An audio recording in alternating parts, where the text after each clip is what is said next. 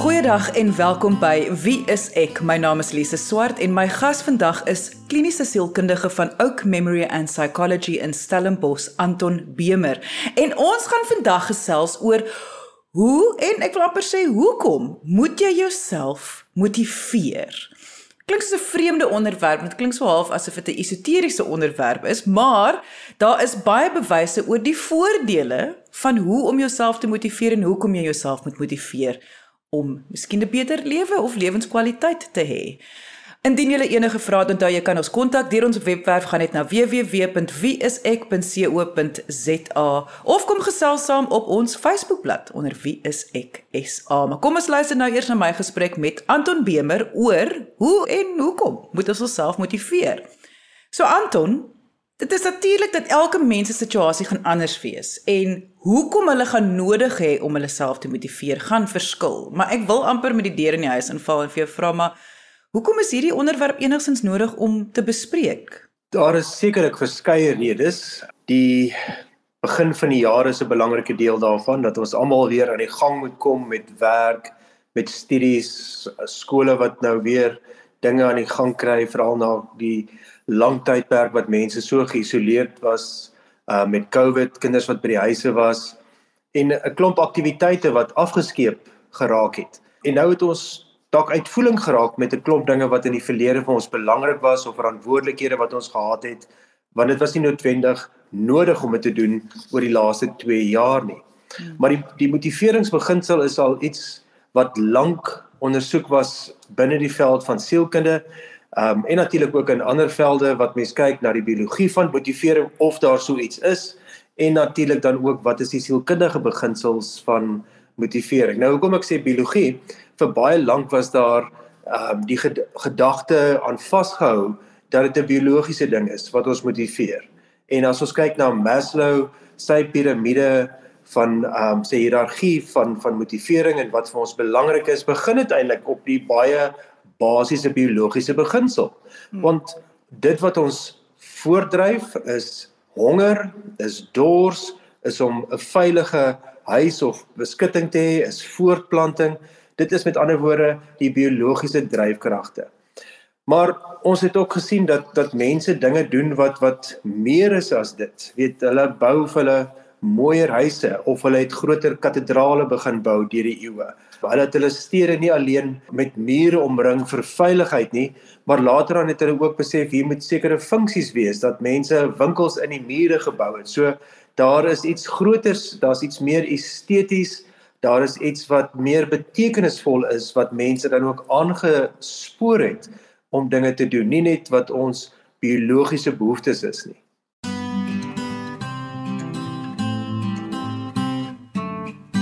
Nou daai aansporing, veral as mens praat binne die konteks van sielkunde of jou geestesgesondheid, gaan baie mense vir jou sê dis juis wat ek nie weet waar om dit vandaan te kry nie. Dis asof dit net missing is. Ek weet nie hoe om dit te kanaliseer hier van uit die niet uit om myself te motiveer om iets te doen nie. En mense sal daarbey saam sê ek stel lysies op van alles wat ek moet doen. Mm. Maar ek kom nooit op alles op die lysie uit nie of weet jy later stel ek nie meer belang in die lysie nie want dit raak vervelig hmm. om die dinge te doen wat ek elke dag moet doen. En baie keer in 'n persoon se werksomskrywing is daar ook 'n klomp take wat elke dag gedoen moet word en dit is dan amper soos daardie lysie van alles wat afgemerk moet word van wat gedoen is of wat nog gedoen moet word. Dis amper soos 'n algoritme wat gevolg moet word. Jy doen dit en dan doen jy dit en dis die uitkoms. Weet as jy nou in die winkelsentrum werk, dan scan jy die pakkie ertjies wat verbykom, dan scan jy die jogurt wat verbykom en dan is dit die som totaal wat die persoon moet betaal. Maar dit is baie dieselfde ding wat oor en oor gedoen word en daar's niks fout daarmee nie.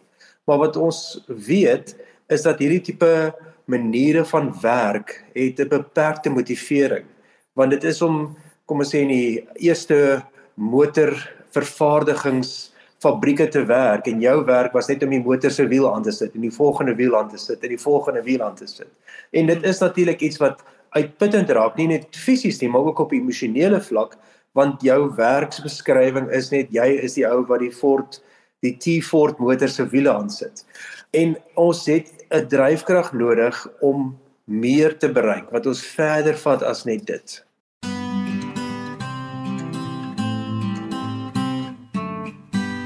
Ek dink baie mense besef dit. Baie mense besef, okay, ek het hierdie lysie en ek en ek wil, ek wil, hulle het die wil, die wil is daar. Maar dit is asof die energie nie daar is nie. En ag en en en en wat jy sê ons is so hard op onsself. As as as dinge nie uitwerk nie, is ons onmiddellik ag, kyk sien, dis die bewys. Ek is nie goed genoeg nie of ek kan nie. Ek kan dit net nie doen nie. Kyk, die een ding wat ons wel weet Lise is dat wilskrag is 'n baie swak uitkoms vir die dinge wat ons wil doen. So om op jou wilskrag of wil, wilsbesluite alleenlik staat te maak, gaan waarskynlik val. Dit is ongelukkig so en baie navorsing wys dit ook dat alhoewel ons dit so hoog aanspreek en sê weet waar daar wil is, is daar 'n weg. Maar dit is 'n baie moeilike beginsel as dit net gaan in terme van iets wat klaar gemaak moet word. En jy kan vele studente vra wat besig is met 'n tesis wat hulle so vervelig vind en hulle weet hulle moet dit klaarmaak en mense sê maar weet jy moet net jou wilskrag gebruik, maar die wilskrag is later uitgeput. Daar's niks daarvan oor nie. En dan moet mens kyk wat is dit wat mense werklik uh uh motiveer. En nou soos die teses wat klaar gemaak moet word, dit gaan nou wonderlik wees as jy jou graad vang of 'n diploma kry of 'n sertifikaat, maar hierdie eksterne belonings is in baie opsigte nie vir ons goed genoeg nie weet om by die gimnasium aan te sluit en te sien hier's die prentjies vir die mense wat so fiks lyk of maar lyk of sterk lyk. Weet dit is nou pragtig daar, maar as jy nie die resultate in die eerste maand sien nie, dan gaan jou wilskrag waarskynlik ook net soos die stortwater in die geet afverdwyn en wegvloei. Dit dit hou jou nie aan die gang nie. So daar was in die 1970s ook bevind om mense meer geld te gee om puzzles op te los. Het hulle noodwendig meer gemotiveer nie. Inteendeel, die eksperimente wat um, iemand genaamd Edward DC gedoen het in daardie tyd, het eintlik gewys die belangrikheid is om 'n intrinsieke motivering te kry om sekere dinge te doen. Nou weer eens dit klink na wilskrag. Mhm. Maar eintlik is dit om te sê, weet jy, om vir mense meer geld aan te bied, met ander woorde die goue wortel of met 'n stok te dryf, die ou wortel en stok teorie, het nie noodwendig 'n verskil gemaak aan hoe hard mense gewerk het of hoe gemotiveerd hulle was om die werk te doen of hoeveel genot hulle uit die werk uit gekry het nie.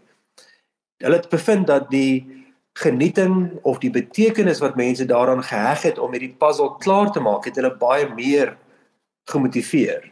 Of om dit in 'n groep saam te doen waar mense kon lag saam met mekaar of foute kon saam uitwerk en daardie groepsdinamika het 'n baie belangrike rol gespeel saam met die persoon se eie bevrediging want hierso gaan dit oor 'n sosiale koneksie wat ons met ander mense het om hierdie probleem op te los. Dit gaan dus nie net oor dit wat aangebied word as 'n beloning of die dreigement dat daar sekere dinge weggevat word nie.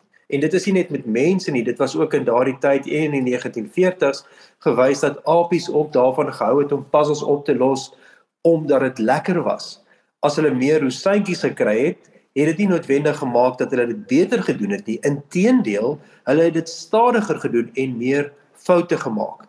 En die dreigemente dan vir die apies om die rosientjies weg te vat het ook nie 'n verskil gemaak nie, want hulle het dan net lui geraak. Hulle het net gedink wel ons sal dalk weer rosientjies kry. Dit was die apies wat net kon speel met hierdie puzzle blokkies wat die beste gedoen het want dit was lekker geweest. Hulle het dit geniet. Daar was 'n sekere betekenis wat hulle daaraan gekry het. Jy luister na RSG 100 tot 104 FM. Ek wil nou wel vra, maak dit saak of dit 'n puzzle is of nie. Ek ek ek ek, ek, ek wil so half uitvind wat is die dryfveer agter wat jy doen. So met ander woorde, ek verstaan dat 'n doelwit wat jy kan stel en jy behaal dit, dit is dit is motivering. Maar nou baie keer weet mense ook nie eers, jy weet, nou, jy weet wat is die doelwit? Hoe hoe stel ek daai doelwit? Wat vir my gaan lekker maak as ek dit bereik? Maak dit sin? Maak dit sin wat ek nou vra? O nee, dit maak baie sin, Lise, en ek dink okay. dit is baie belangrik om daarna te dink want daar's 'n paar dryfvere wat wat ek dink baie belangrik is en die skrywer van die boek Drive, Daniel Pink, weet hy het ook drie punte wat hy uitlig wat wat ek baie van hou. Hy sê die eerste plek is dat aan mense selfstandigheid gegee word sodat hulle met ander woorde ook 'n sê het in terme van okay, ek moet hierdie werk doen, maar kom ons kyk wat is die beste manier om dit te doen. As iemand die hele tyd uh die gevoel kry daar is iemand wat oor hulle skouer loer, weet, as daar 'n 'n mikrobestuurder is wat so ingestel is op die fyn details, dit breek jou spoed. Dit vat jou motivering weg. Van die hele tyd word daar veranderinge gemaak of kommentaar gelewer op iets wat jy waarskynlik baie goed kan doen want jy is in ja. daardie beroep gestel. So daardie mikrobestuur het meer nadele as voordele. En mense wat selfstandig kan werk, al is dit in 'n groot organisasie, het hierdie besef van verantwoordelikheid, hierdie is wat hulle moet doen. So die eerste is daardie selfstandigheid wat baie belangrik is. Die tweede punt is om 'n sekere taak baas te raak of te verbeter in wat jy doen so wat hy noem mastery. So as jy iets leer of dit nou is om gitaar te speel of dit is om kos te maak op 'n sekere manier of dit leer is om branderplank te ry. Die die ervaring van ek doen nie hierdie nou vir die eerste keer nie maar ek begin beter daarin raak. Daardie gevoel van sukses wat ons daaruit kry daardie erkenning wat ons dalk van buite af kry ook maar ook daardie wat jy self sien my gitaarspel raak al beter. Hierdie nuwe taal wat ek eh, leer raak al beter. Dit gee vir ons 'n gevoel van sjoe ek is trots op myself. Hierdie is regtig iets positiefs. Ek groei met ander woorde. En dan die laaste een wat baie belangrik is is betekenis purpose.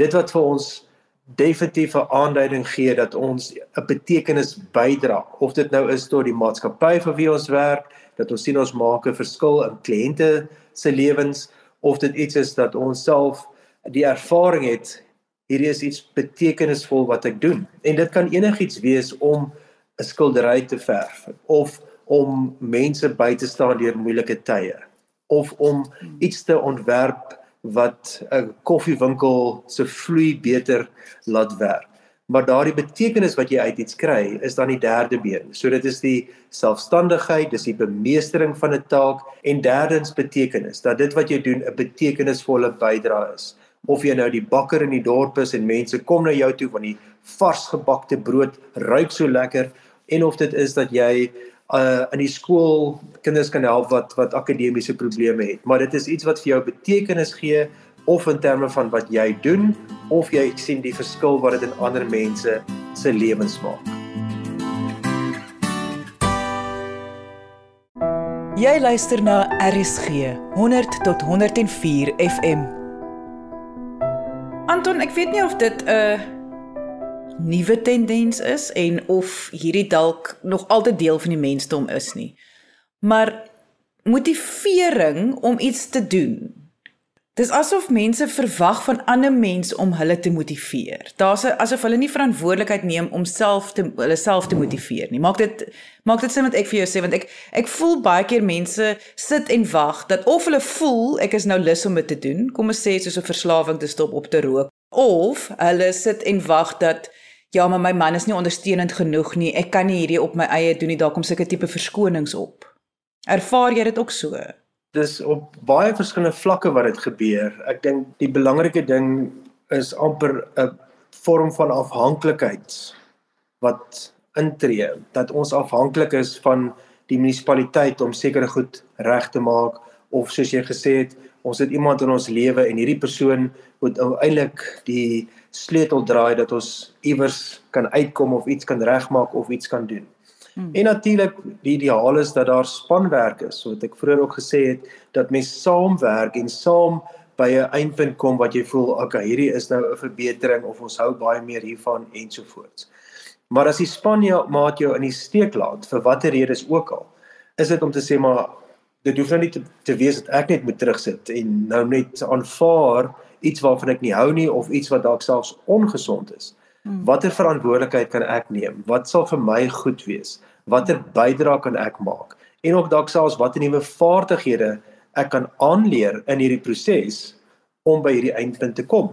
Hmm. En dit is interessant dat mense sien ek het noudag gelees oor die dorp Kroonstad wat besig is om hulle dorp te vernuwe van die besighede se kant af. So daar is 'n klomp besighede wat nou sê hierdie sirkel is julle sin of hierdie stuk pad is julle sin. Julle het die geleentheid hier om dit beter te maak want daar is nie geld om dit te doen nie. Daar is nie noodwendig altyd die mannekrag om hierdie werk te doen nie. En daar is hierdie beduidende verandering om dinge mooier te maak en beter te maak en te herstel wat dalk na baie jare verval het. Hmm. So dit is om te sê ons het nodig om inisiatief te neem as ons werklik 'n verskil wil maak. Nou dis nie noodwendig altyd sodat jy al die ehm um, slaggate in jou eie pad kan regmaak ensovoorts nie. Maar in jou eie lewe, wat is die dinge wat jy dink dalk tekortskiet? Waar is daar sekere probleme of dit nou praktiese probleme of emosionele probleme of verhoudingsprobleme is wat jy kan wag en wag en wag dat jou lewensmaat of iemand anders dit die inisiatief neem maar niks gebeur nie.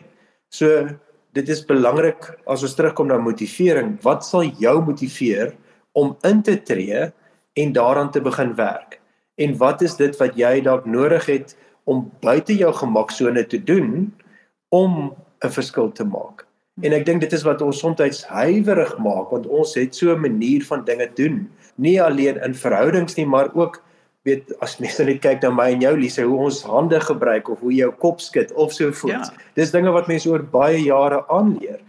Maar die nodigheid om te sê ek het dalk ander vaardighede nodig. Ek moet dalk iemand anders se advies inkry. Ek het iemand nodig wat my sekere skills kan leer sodat ek die probleem kan aanvat en ek wil by 'n ander eindpunt uitkom.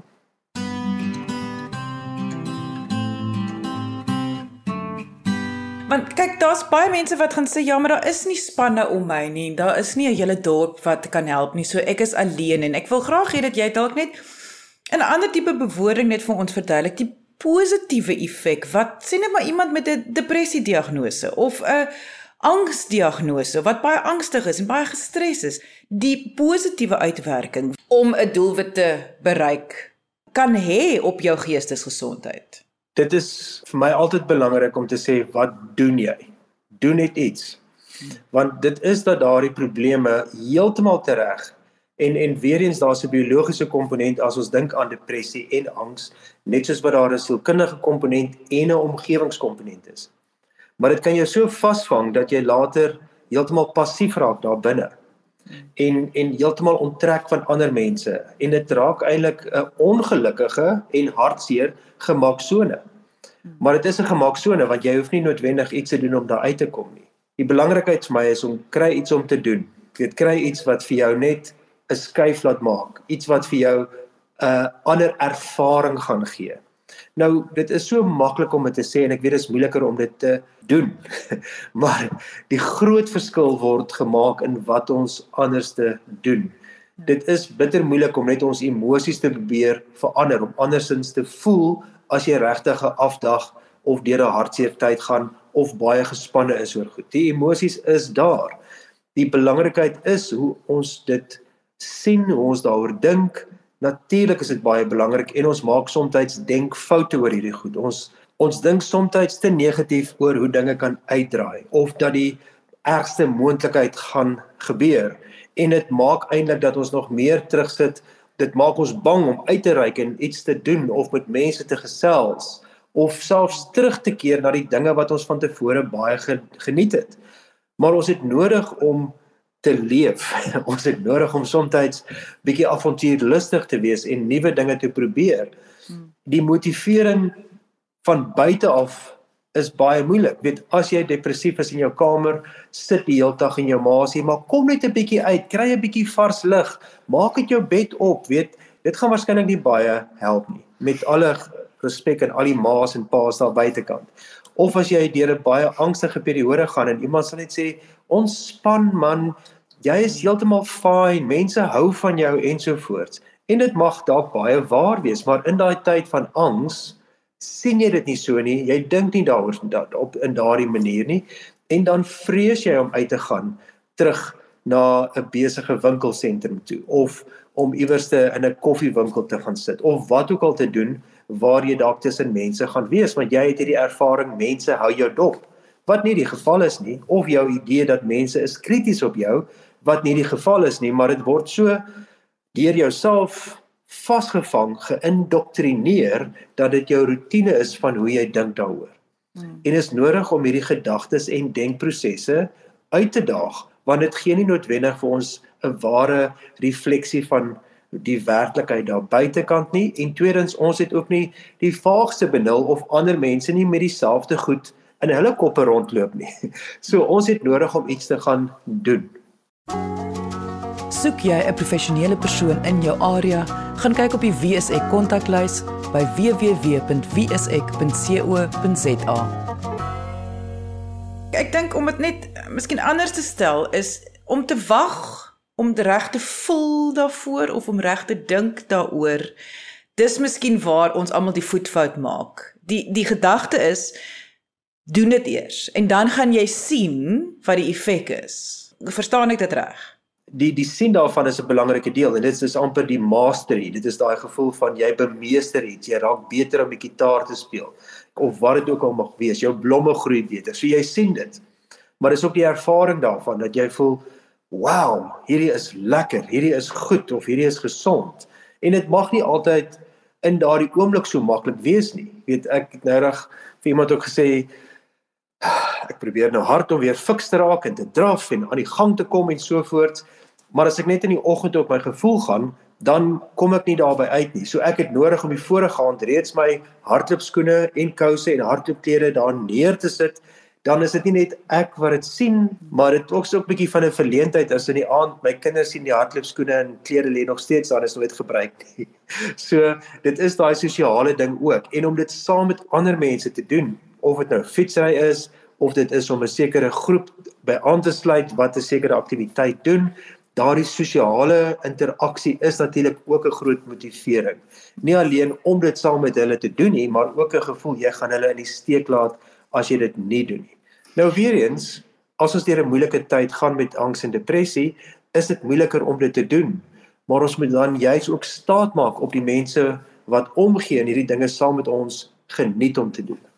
Mislukking. Ek wil graag gesels oor mislukking want baie mense stel vir hulle self 'n doelwit en hulle kry dit reg nie. Hulle kry nie reg om ehm um, maar te gaan hardloop in die oggende nie of hulle die puzzle bou. Hulle kry net eenvoudig nie die puzzle reg nie of hulle probeer 'n nuwe resep en alles brand aan. En uh, ek wil graag gesels oor hoe hanteer 'n mens dan daardie mislukking om jouself te motiveer om nie op te hou om te probeer nie. Die beste verskoning is ek kry nie tyd nie dit is ook deel van daai mislukking ervaring want mense stel dit uit of sê ek is so besig met my werk en dan moet ek by die huis kom en kos maak en dan moet ek seker maak die kinders het hulle huiswerk gedoen. Ek kry net nie tyd vir myself nie. En natuurlik is daar baie druk op ons in verskillende aspekte van ons lewens omdat daar sekere verantwoordelikhede is wat ons moet nakom. Maar daar's ook 'n verantwoordelikheid teenoor onsself En 'n groot deel van daai verantwoordelikheid is om op te staan wanneer jy geval of gefaal het. So die opstaan is die moeilike ding want nou kyk ons terug en sê maar ek het nou al 3 keer geval. OK, maar jy het die kans om weer op te staan. En ek dink ons het so nodig om mislukking ook op 'n manier anders te te konseptualiseer dat ons dit nie sien dat ek nou 'n mislukking is nie. Dit wat ek probeer doen het, het net nie uitgewerk nie maar ek kry nog 'n kans en nog 'n kans. En ek dink nie ons moet onderskat weer eens as ons dink aan motivering ons eie wilskrag hoe swak dit kan wees nie. Maar ons moet dink wat is die langtermyn proses? Wat is dit wat ons wil bereik? Goeie gesondheid, 'n goeie voorbeeld vir ons kinders om dit saam met 'n groep te doen waar jy dalk ander mense kan inspireer omdat jy jou deel bydra. Hmm. So daar is 'n groter prentjie waarna ons ook moet kyk, nie net in terme van wat nou op hierdie dag vir ons nie so lekker is of moeilik is nie. Ek sê baie dankie aan kliniese sielkundige Anton Bemer van Oak Memory and Psychology in Stellenbosch. Indien jy enige vrae het, onthou jy kan ons kontak deur ons webwerf gaan net na www.wieisek.co.za of kom gesels saam op ons Facebookblad onder Wie is ek SA. Baie dankie aan almal wat saamgeluister het en onthou om die potgooi te gaan luister op RSG se webwerf. Deel ook daai potgooi. Mens weet nooit wie het nodig om hierdie woorde te hoor nie. Jy moet 'n heerlike dag verder hê en onthou, kyk mooi na jouself.